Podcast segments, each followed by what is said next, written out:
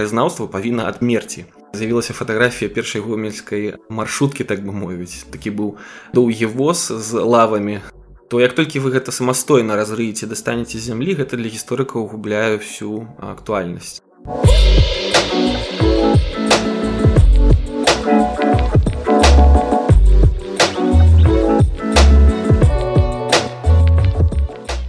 Добрый дзень шаноўна гаспадарства з вами падкаст так склалася гістарычна і я дзягельганна і я рада сёння вітаць у нашым падкасці майго добрага знаёмага калегу Яўгена меркіса Яўген шырока вядомы ў вузкіх колах краязнаўца актывіст журналіст з гомелю.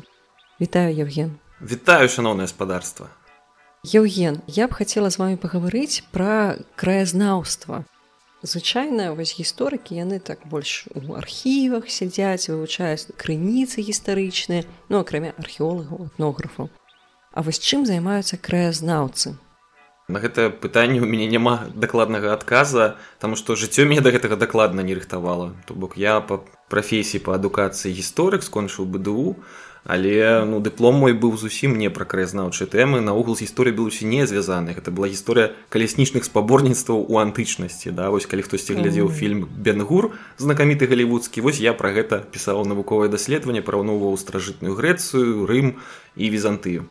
А як я стаў краязнаўцам? Ды да вельмі проста. у просто зацікавіўся родным месцам. Я з цудоўнага горада гомеля. У нас тут свой такі лакальны патрыятызм заўжды быў звязаны.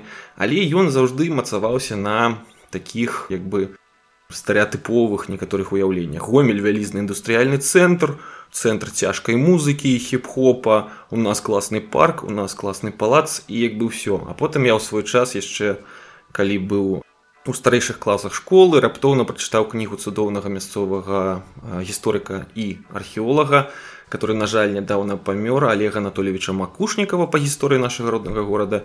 І там я выпадкова для сябе знайшоў што ў нас як бы гісторыя горада пачалася не з 18 стагоддзя калі да нас там румянцаў і паскевич пазней прыйшлі пачалі палац будаваць а была ранейшая гісторыя быў гомельскі замак былі цудоўныя там цікавыя такія авантурысцкія паходы там расійскіх войскаў казацкіх аблогі.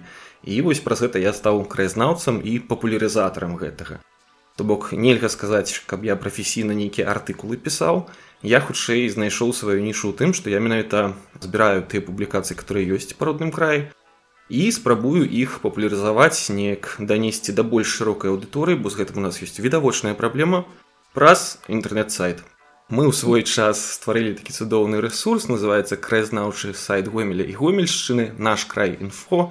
Вельмі лёгка знайсці гэта была другая палова нулявых. Ну і вось паступова мы яго развівалі. Канстравацца на гэтым пачаў я у нашым горадзе. І там мы як бы вот калі казаць про тое что такое краязнаўства да все адразу уяўляюць сябе ну это ж чыста гісторыя да просто ведаць гісторыю свайго роднага месца. Ну я гляджу на краязнаўства трохі шырэй у нас на сайце ёсць і артыкулы па геаграфіі гомельшчыны пра нейкія культурніцкія мясціны. Ёсць нават артыкулы па медыцыне да.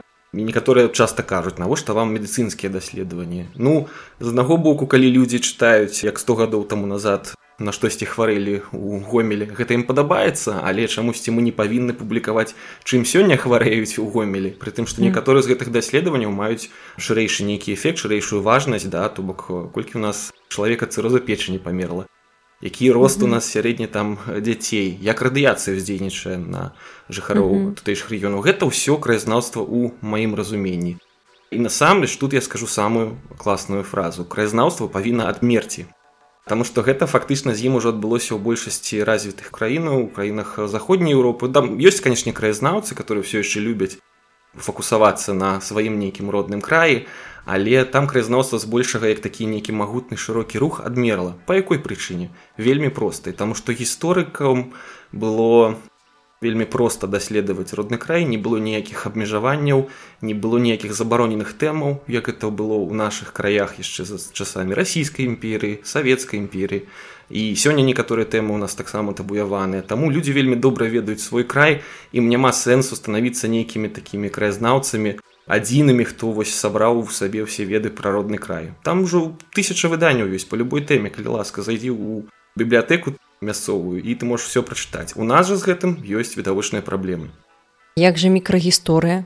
Гэта ж асобнае накіраванне у гісторыі скажем так у гістарыяграфіі калі даследуецца маленькі кавалачак маленькая вёска напрыклад і вось на яе аснове робяцца вялікія высновы.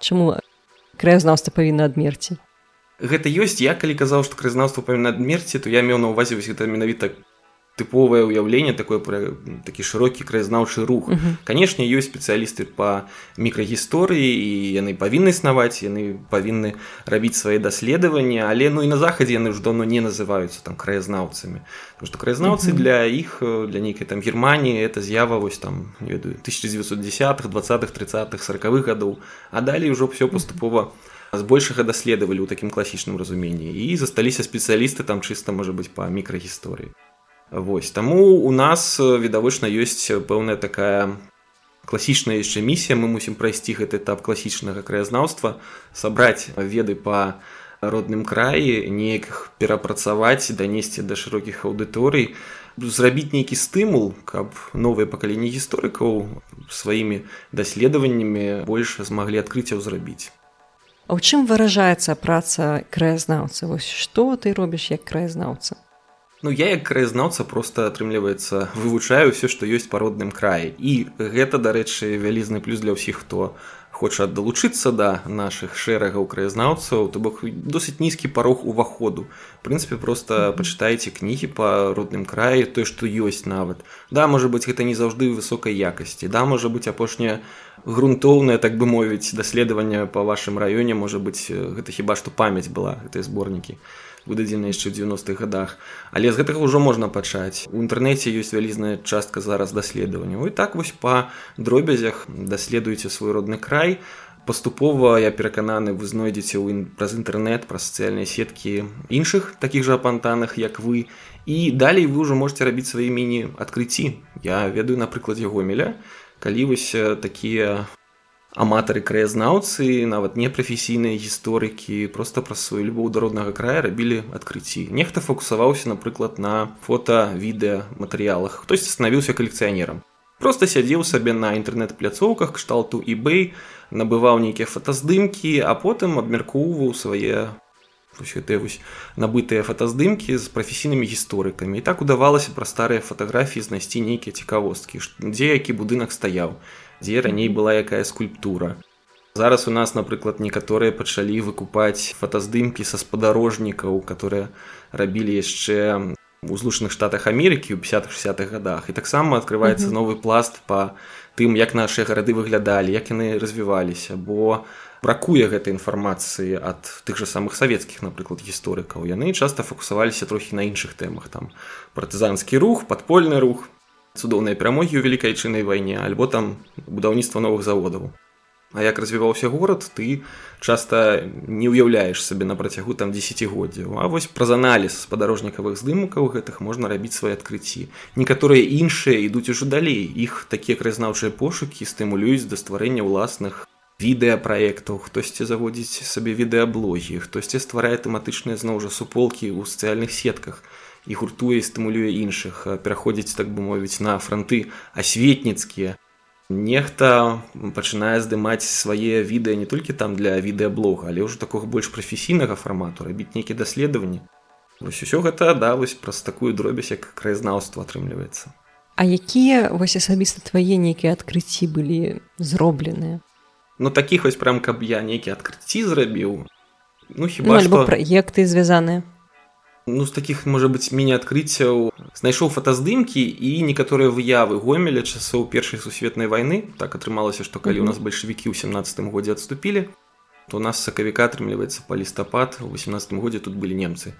І вось дзякуючы немцам з'явілася вялізная колькасць фатаграфій як выглядаў горад з'явілася фатаграфія першай гомельскай маршруткі так бы мовіць. Такі быў доўгі воз з лавамі на левы на правы бок.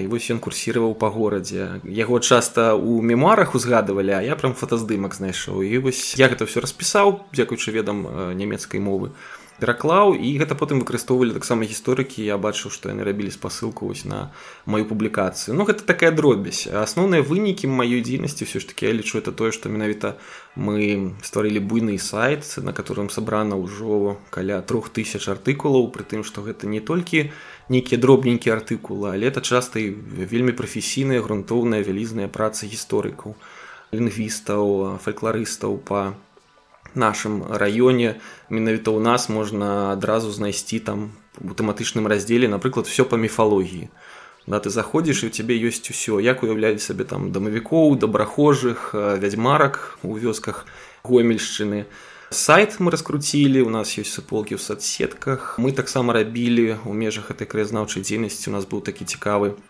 відэапраект мы назвалі яго края від гэта былі такія відэа ў стылі постнаукі хто памятае такі папулярызатарскі ресурс то бок ну просто ў студыі нейкія гісторыкі альбо іншыя адмыслоўцы рассказывалі нешта цікавае па гомельшчыне і некаторыя відэа там набралі десяткі тысяч праглядаў у тым ліку. Напрыклад там пра гомель у ліхе 90-е гады вельмі папулярнае відэа было.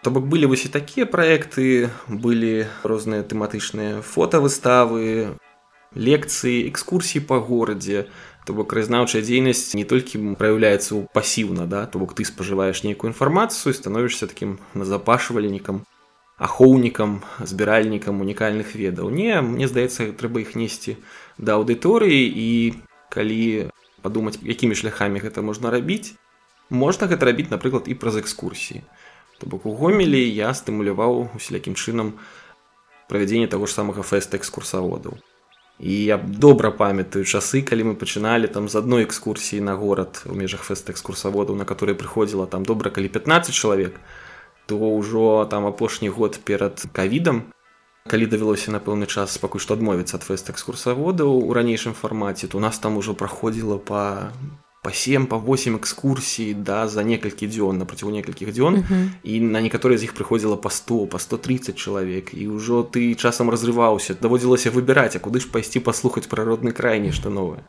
круто. Гэта вельмі усцешвае Мне здаецца людзі якія жывуць у сваіх населеных пунктах лепш за ўсіх павінны ведаць сваю гісторыю А вось калі чалавек зацікавіўся з чаго яму пачаць Ну як я і казаў пайсці проста ў мясцовую бібліятэку паглядзець што ўжо ёсць па сваім родным горадзе вуліцы я не ведаю ну глядзячы тое што вас цікавіць. І праз гэта пачаць паглыбленне ў краязнаўчы свет у свет дзівоса ну, гэта база. Да потым можна таксама калі вы яшчэ напрыклад не атрымалі вышэйшую адукацыю схадзіце на гістфак. Это ўсё ж такі дасць вам вельмі грунтоўную хорошую такую гуманітарную універсальную вельмі адукацыю і дасць магчымасць прафесійна даследаваць розныя тэмы. Тут ужо далей, калі вы хочаце нешта даследаваць па родным краі, трэба, канешне, безумоўна, шукаць нешта ў архівах. У нас вельмі шмат яшчэ ёсць і ў нашых архівах, і ў замежных архівах, і прычым пад замежамі я ж маю на ўвазе не толькі заходнія замежа. У нас багата чаго ў архівах санкт-петербургу ёсць Масквы іншых гарадоў. То бок можна просто самастойна зрабіць запыты атрымаць дазволы і парыцца ў архівах паглядзець што там ёсць. Можна пачынаць пісаць свае артыкулы дасылаць іх у краязнаўчае выданне ну у нас з імі зараз у беларусі некаторая цяжкасць но сайты зноў жа ёсць. Ніхто не замінае. Калі у вас ёсць мабільны телефон вы можете запусціць свой падкаст прысвечаны гісторыі. Як напрыклад цудоўны падкаст так склалася гістарычна вы можете свой відэаблог зрабіць да і дзяліцца сваімі адкрыццямі нават на зноў жа на ўзроўні мікрагісторыі просто збярыце ту інфармацыю которая у вас ёсць па роднай вуліцы па родным раёне горада напрыклад ту інфармацыю которая ёсць у кнігах і та інфармацыя которая ёсць у вас просто ад суседзяў от сваякоў вельмі шмат краязнаўчых звестак можна атрымаць якраз такі просто паразмаўляўшы з тутэйшымі з месцічамі нейкімі mm -hmm. Вось я да гэтага і вяду, што як выходзіць у поле. Ох, ну на гэтую тэму ёсць насамрэч рэкамендацыі, там што проста ўжо зусім выходзіць, можна паймаць, конечно, любую бабулю ў вёсцы, яна нагаворыць вам на гадзіны. Но з гэтага потым трэба знайсці, што ўзяць і як это сістэматызаваць, таму тут толькі праз назапашванне інфармацыі, чым больш вы будзеце ведаць кантэкст чым больш вы прачытаеце як все ж такі вядуцца там даследаванні фальклорных матэрыялаў напрыклад тым больш вы будете разумець дзе і чым вы можете дапамагчы. Вы можете таксама звярнуцца і ў мясцовыя нейкія даследчыя установы універсітэты ці там вучылішчы калі там ёсць нейкія краязнаўцы ўжо испытаць у іх кшталту гаспадарства. З чым вам вот трэба дапамога? Бо вельмі часта у даследчыкаў не хапае рук. Напрыклад я веду такая сітуацыя ёсць па тэме другой сусветнай вайны да калі па родным гомелі мы не ведаем часта што ў нас тут было на працягу нацысцкай акупацыі 41 по 43 год. І вельмі шмат каштоўнай інфармацыя мы атрымліваем якраз такі проста ад састарэлых ужо людзей которые памятаюць гэтыя часы і просто вось апытваючы іх нешта ўдаецца дазнацца новага вось мне такое пытанне А ці можна лічыць краязнаўцамі людзей з металлдэтэктарамі не. Это вот адразу гэта тем рашальства выкіньте это. Калі у вас у руках вот это вот гадасць ёсць выкіньте я вас прашу просто як гісторык як даследчык таму што большасць людзей робіць гэта непрафесіянальна і угу. тут калі ў дзвюх словах тлумачыць то калі вы паходзіце з металашукальнікам і знойдзеце унікальную знаходку можа быць нейкую манету старадаўнюю ці шаблю ці нейкі там рыцарскі шлем нават я не ведаю. Залежце таго дзе і што шукаць. То як толькі вы гэта самастойна разрыеце дастанеце зямлі гэта для гісторыкаў губляе всю актуальнасць. На гэта можна канешне паглядзець но гэта ўжо вельмі цяжка ўвесці ў навуковы нейкі кантэкст зразумець у якіх слаях яно ляжала да якой эпохі гэта адносіцца. Ці не нанеслі вы сваімі раскопкамі самастойнымі нейкай дадатковай шкоды гэтым прадметаў і гэта датычыцца не толькі тых хто з металашукальнікамі нешта шукае але вось і чорных археолагаў яны наносяць вялізную шкоду насамрэч вывучэнню і краязнаўства і проста гісторыю нашага у тым ліку гомельскага рэгіёна тому что я ведаю вялізную колькасць тых же самых валатовак як у нас их называюць курганы дзе людзі раней хавалі сваіх памерлых і там просто людзі рыдлёўкай разрываюць все дастаюць там нейкі наканечнік ад каменнай секеры напрыклад яшчэ часоў каменнага веку і все і все кідаюць і для гісторыкаў гэта ўжо страчана мы дзякуючы гэтаму вось такія вось аматары самі рабуюць свой народ. Лепш калі вы хочаце з металашукальнікам пахадзіць хадзіце там па пляжах шукайце не ведаю як хтосьці згубіў свае ланцугі срэбраныя хай гэта будзе для вас самым вялізным адкрыццём но не трэба шкодзіць навукоўцам так я таксама вельмі прашу калі вы раптам займаецеся такім кідаеце гэта сапраўды вялізная вялізная шкода. Не надо. Добра Еўгена скажи калі ласка ну вось у нас ёсць краязнаўцы пэўна кожным горадзе цікаўныя людзі у нас ёсць прафесійныя установы у нас ёсць нейкія арганізацыі напэўна А што можна палепшыць у гэтым плане ў беларусі О гэта вельмі файная тэма насамрэч шмат чаго можна палепшыць найпершае што я б зрабіў адкрыць архівы. У нас яшчэ вельмі шмат рознай інфармацыі на жаль захоўваюцца і ў архівах КДБ іншых установах і вельмі цяжка гісторыкам трапіць да гэтых звестак.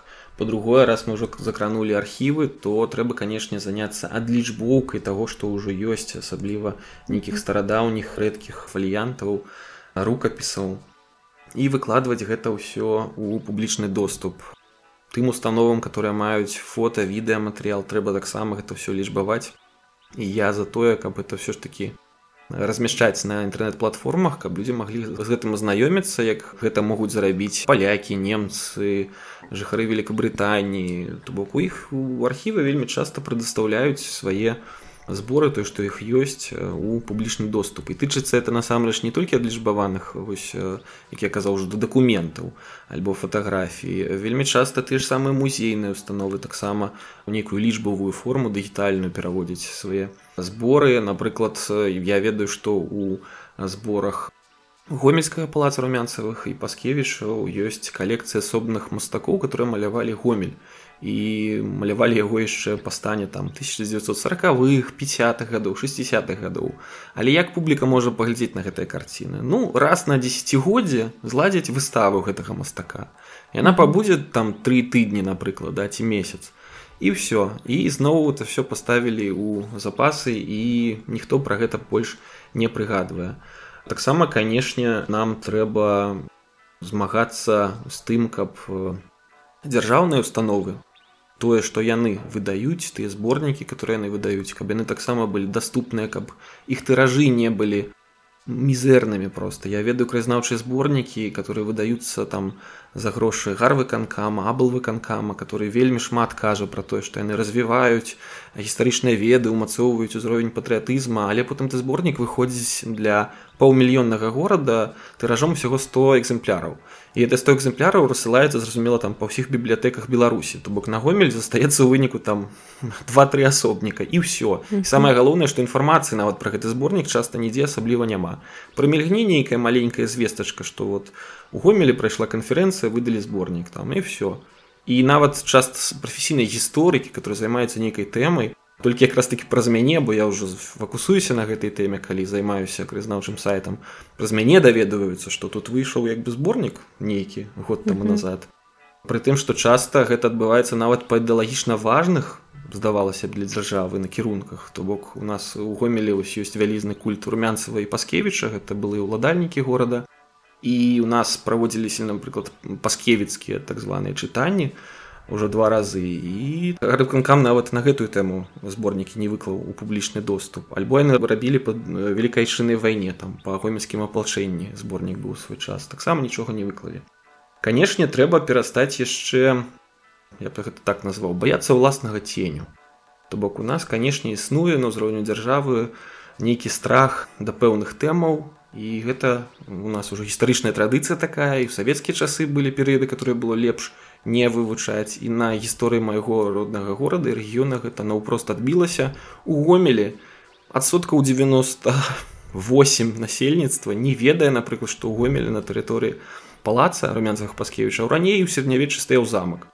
Ахрынець сапраўдны замак з абарончымі вежамі з абарончым ровам вырытым дзе там стаялі гарматы дзе былі сярэднявечныя вайры потым вайры ўжо пазнейшых эпохаў дзе былі эпічныя аблогі эпічныя бітвы про гэта ніхто не ведае Таму што гэта за савецкім часам не любілі даследаваць пачынаеш даследаваць як горад штурмавалі казакі могуць узнікнуць пытанні А як жа тады вось гэта знакамітая тэза пра тры адзіны народ да, дзе беларусы украінцы і расійцы заўжды разам мірна і дружна жылі. І у нас і пагомелі таксама вось праявілася гэта ў кульце румянцевых і паскевічаў. Я вось калі рос юнаком я рэальна у меня было такое уяўленне што ну відаць да 18 стагоддзя тут як бы нічога не было.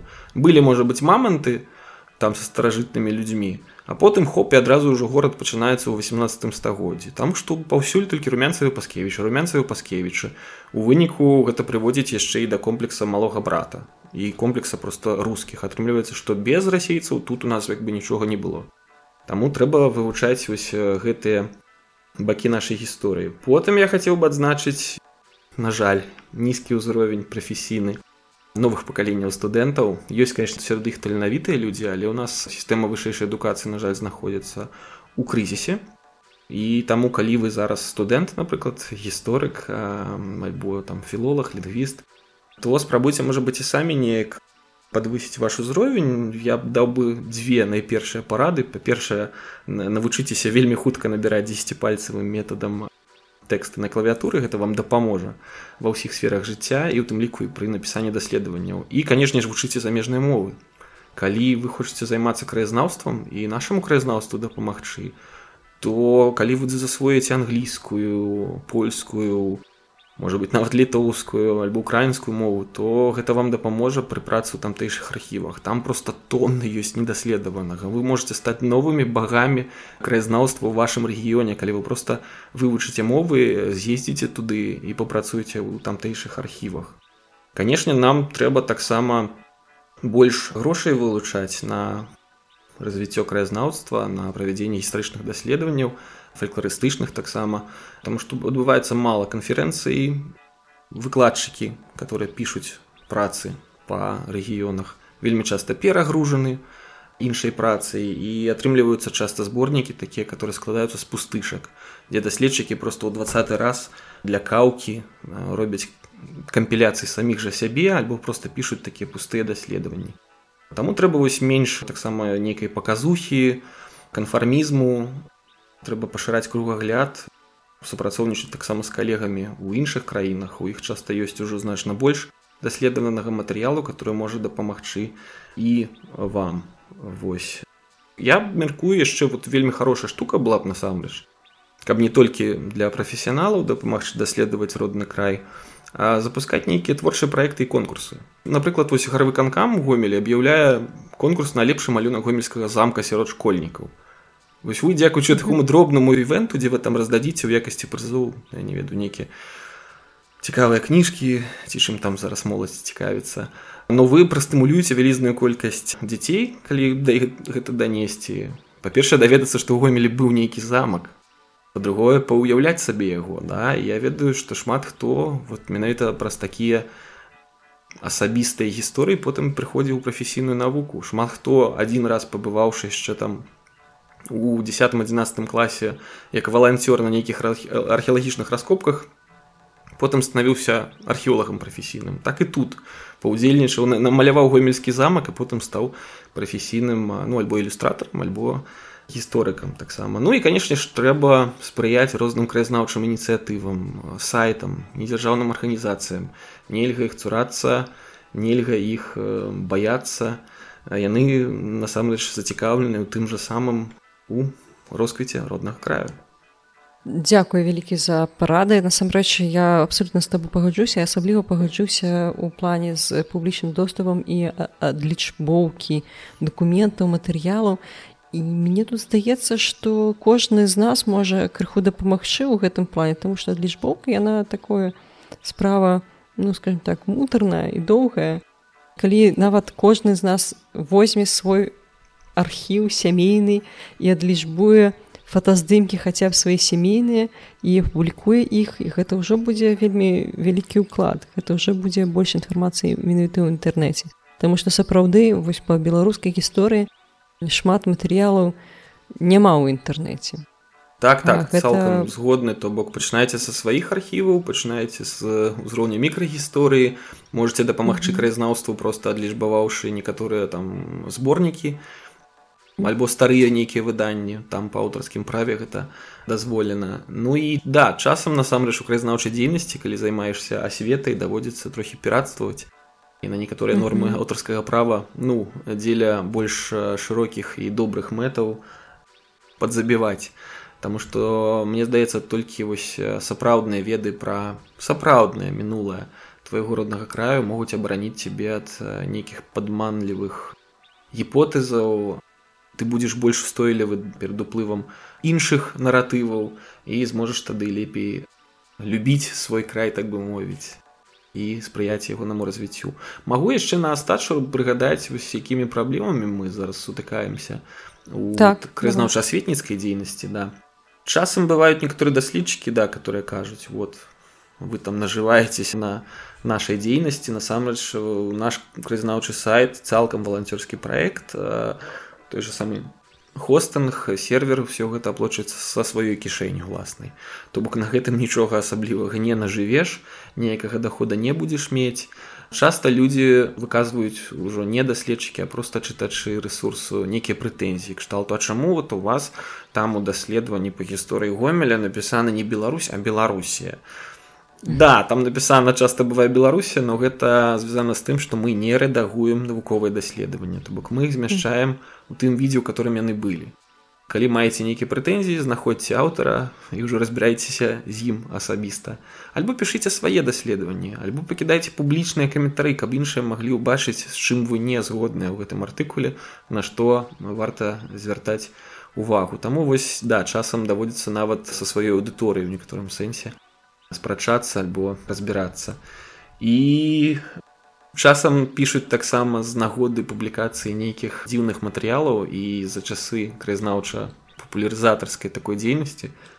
Самыя цікавыя артыкулы которые я знаходзіў па маім рэгіёне самыя такія смешныя назвы это былі гомель і гегель і таксама быў артыкул который быў прысвечаны пракрастынацыі сярод студэнтаў медуніверсітэта гомельскага.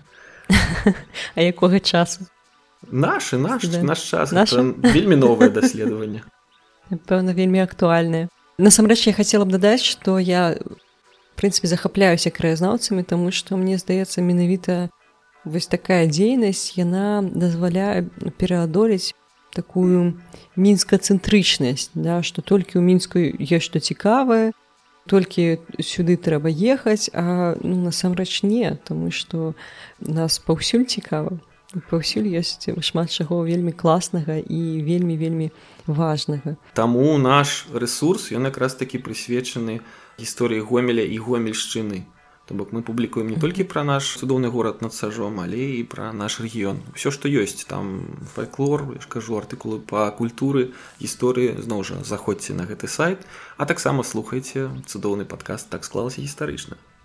А таксама слухайце цудоўны падкаст глыбінны народ. Да, гэта таксама можна. Да. Дзякуй вялікі Еўген. Гэта наша не апошняя размова. У наступным выпуску мы пагаворым уласна кажучы пра гісторыю гомеля, што Еўген накапаў падчас сваёй дзейнасці. А пакуль да пабачэння подписывайтеся калі ласка на нашай соцсеткі. Не забывайце пра патрон, там вы можете дапамагчы праекту. Расказвайце пра падкаст сябрам і даследуйце сваю родную мінуўшчыну свой родны край і дапамагайце краязнаўцам да пабачэння. Да пабачэння шаноўныя слухачы. Як я заўжды кажу наш край don't cry